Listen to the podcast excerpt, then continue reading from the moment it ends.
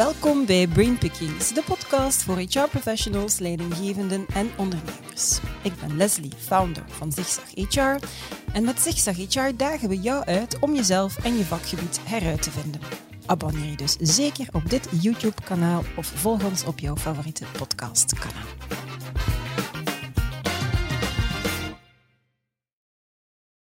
Passion for Work draait om mensen. Met meer dan 100.000 uren coaching op de teller willen ze werkend Vlaanderen gelukkiger en veerkrachtiger maken. En daarvoor kunnen ze rekenen op een uitgebreid netwerk van coaches in Vlaanderen.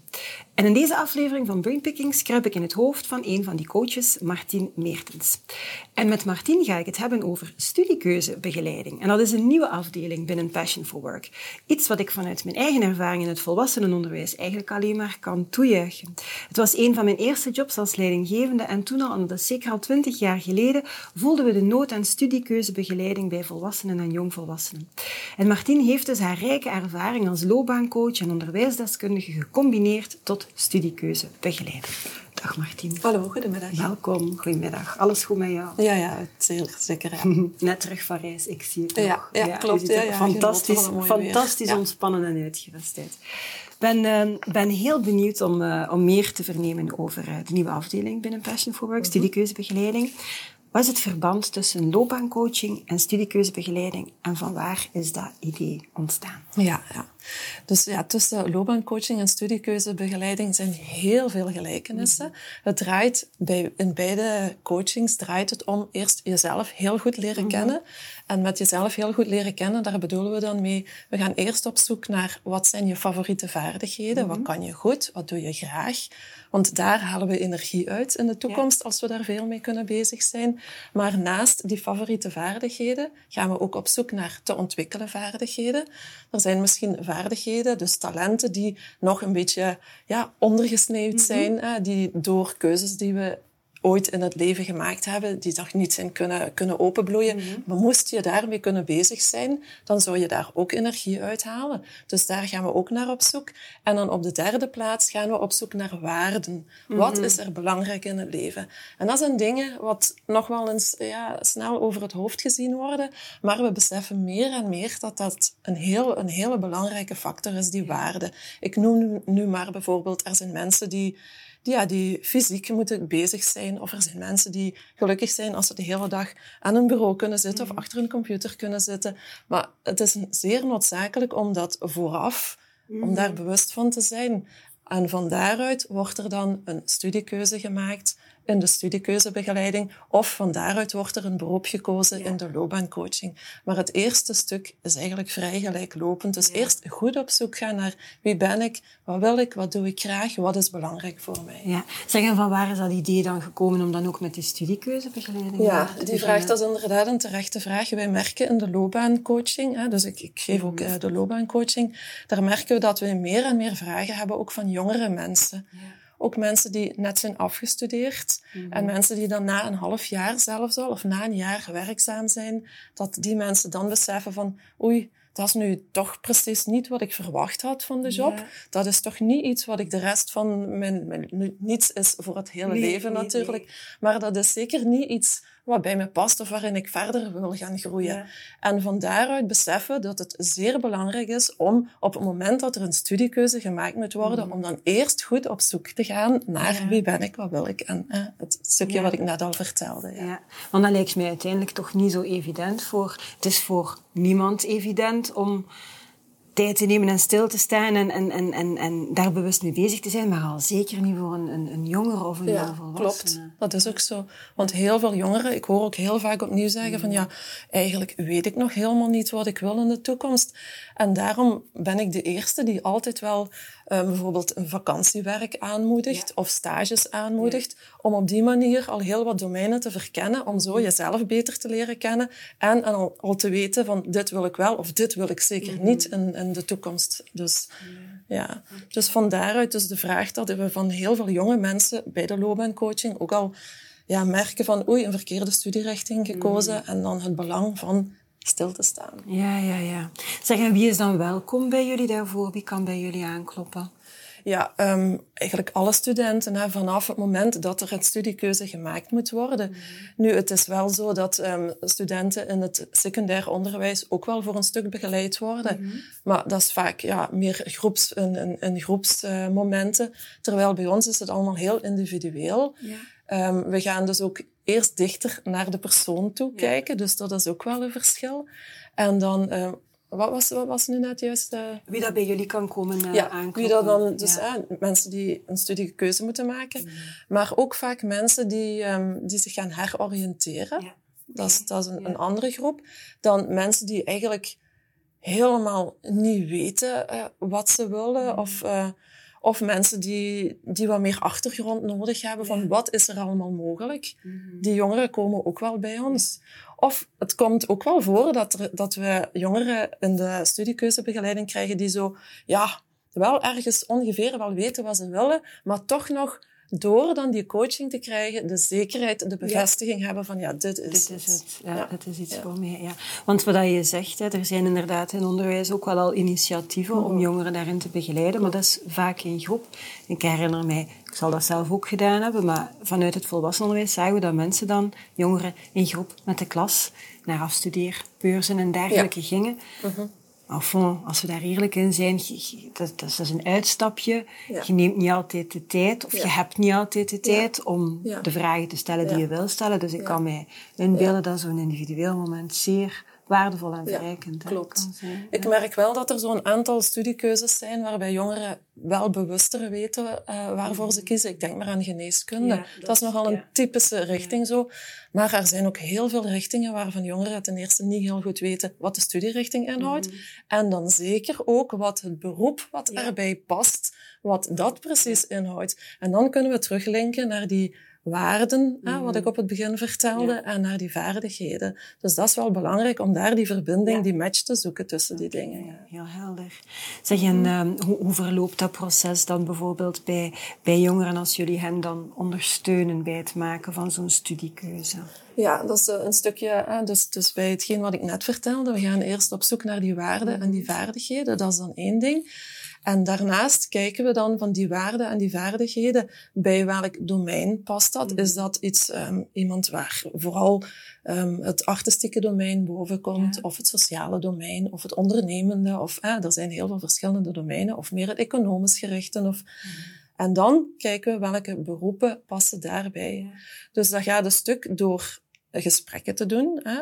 Mhm. Maar we hebben ook een, een heel aantal tools die we dan aanbieden, die jongeren dan thuis ook al de kans geven om na te denken, wat is dat nu precies wat ik wil? Okay. Ja. Dus jullie, als ik dat dan goed begrijp, is dan alsof dat jullie de veelheid van opties die er zijn, die daar bijna een laag gaan bovenleggen, wat dat past bij hun waarden en zo verder. Van, kijk, van die veelheid ja. zijn dit Klopt. Meest aangewezen, bijvoorbeeld. Ja, oké. Dus je maakt het makkelijker om te kiezen. Ja, En door dan uh, creatieve oefeningen met de studenten doen en door de gesprekken die we voeren, komt de student er dan uh, beter achter. Oké. Zeg, en, en, en wat als mensen... Uh, bij jullie komen die gewoon fout hebben gekozen. Ik kan me inbeelden dat dat vaak hè, gebeurt. Mhm. Ja, het is dan toch niet over en out. Hè? Hoe neemt je die dan mee in, in dat Nee, heel zeker. Het is nooit over en out. Helemaal niet. Veel mensen in hun hoofd is dat wel. Ja, ja. Nu, het is sowieso een, een studiekeuze. niets is bindend voor het hele mhm. leven. Zeker tegenwoordig met de visie levenslang leren. En dat is ook iets. Hè. Maar um, dus hetgeen wat de student dan al geleerd heeft in, in de vorige opleiding, ja, dat is sowieso een meerwaarde voor de ontwikkeling. Uh, ook voor jezelf ook wel beter te leren kennen. Dus nooit is iets uh, definitief of gedaan. En men kan altijd blijven bijstuderen natuurlijk. Er zijn tegenwoordig zoveel verschillende kansen en manieren om eventueel te combineren met een job. Of ja, ja alleen, Tegenwoordig is er eigenlijk wel heel veel mogelijk. Er zijn ook heel, heel wat studenten die bijvoorbeeld wel al een bachelor gedaan hebben, maar toch nog niet zeker zijn en die dan gaan schakelen. En dan wordt er ook gekeken naar welke richting wordt er het best geschakeld. Of een bannenbar bij. Of, ja. er zijn heel veel mogelijkheden tegenwoordig. Okay, dat is wel een groot voordeel. Zeggen, um, iemand komt bij jullie uh, en jullie hebben die persoon ja, die laag daarover gelegd, maar het is nog niet genoeg. Ja. Wat dan? Ja. Ja, dan gaan we een stapje verder. Mhm. We hebben ook een aantal digitools, digitale tools die we kunnen aanbieden. En dan denk ik bijvoorbeeld aan een eerste digitale tool. Dat is een, ehm, ja, een, een opdracht die je moet doen, wat wat op het onderbewustzijn van Mhm. iemand werkt. Hè. Je moet dus bijvoorbeeld altijd voorkeuren aanduiden over kleuren en vormen. Mhm. En onbewust zeggen die keuzes wat je maakt wel iets over je persoonlijkheid. Dus dat is al een extra tool. Dan hebben we ook, eh, gebruiken we ook een tool wat, ehm, wat op zoek gaat naar eh, succeservaringen. Ja. Dus want vanuit succeservaringen komt er ook heel veel boven. Hè? Mhm. Dingen die je vertelt waar je trots op bent of waar je fier over bent, dat zijn wel dingen die heel dicht bij je liggen. Mhm. Dus, ehm, van de, en, en we hebben nog zo een aantal tools die we digitaal dan kunnen gebruiken. Dat Ja. is de extra, het extra onderzoek dan voor Ja, ja. de jongeren die nog steeds blijven twijfelen, want dat Ja. kan zeker voorkomen. Ja, het kan extreem lastig zijn volgens mij als je in een twijfelmodus zit. zeker. Tot slot, ehm, de, de, de grootste meerwaarde van studiekeuzebegeleiding bij, bij Passion for Work, als je dat zo zou wat moeten omschrijven, wat maakt jullie zo uniek? Ja, ik denk dat eerste stuk wat ik opnieuw, wat ik, wat ik vertelde, dus dat wij eerst gaan kijken naar die persoon, wie ben ik eigenlijk? Ja. Dat is iets wat heel vaak wordt overgeslaan als ik ja, rondom mij hoor in, in andere studiekeuzebegeleidingen. Dus dat is één ding. Nu, waar wij ook wel aan werken, is ehm, dat wij de jongeren ook zelfstandig proberen te maken in het Mhm. maken van keuzes. We reiken wel tools aan, maar ze kunnen die tools daarna zelf ook weer opnieuw gebruiken. Dus dat is ook wel een heel erg belangrijke. Dan, wij werken individueel. Hè? Dat is nog een, Ja. een extra meerwaarde, of ja, een surplus natuurlijk. Ja, ik denk dat dat de belangrijkste dingen zijn, het, zo, eh, van wat het verschil maken. Ja, ja. Als ik dat zo'n beetje samenvat, ik denk, een ultieme learning, geen enkele keuze is bindend voor het leven. Dat, zeker dat heb ik eh, u een paar keer horen zeggen, behalve dan misschien kinderen krijgen. Dat is een keuze die eerder Ja. onomkeerbaar genoemd Ja. mag worden. Hè? Mhm. Ehm, en gelukkig is er ook altijd wel meer dan één goede match, Ja. misschien wel. hoor Ja, ik ook heel zeggen, vaak wel. Ook, hè? Want eh, ik hoor heel vaak eh, keuzestress, maar er zijn meerdere mogelijkheden die bij u passen en waar iemand gelukkig in kan worden. Hè? Dus, ja.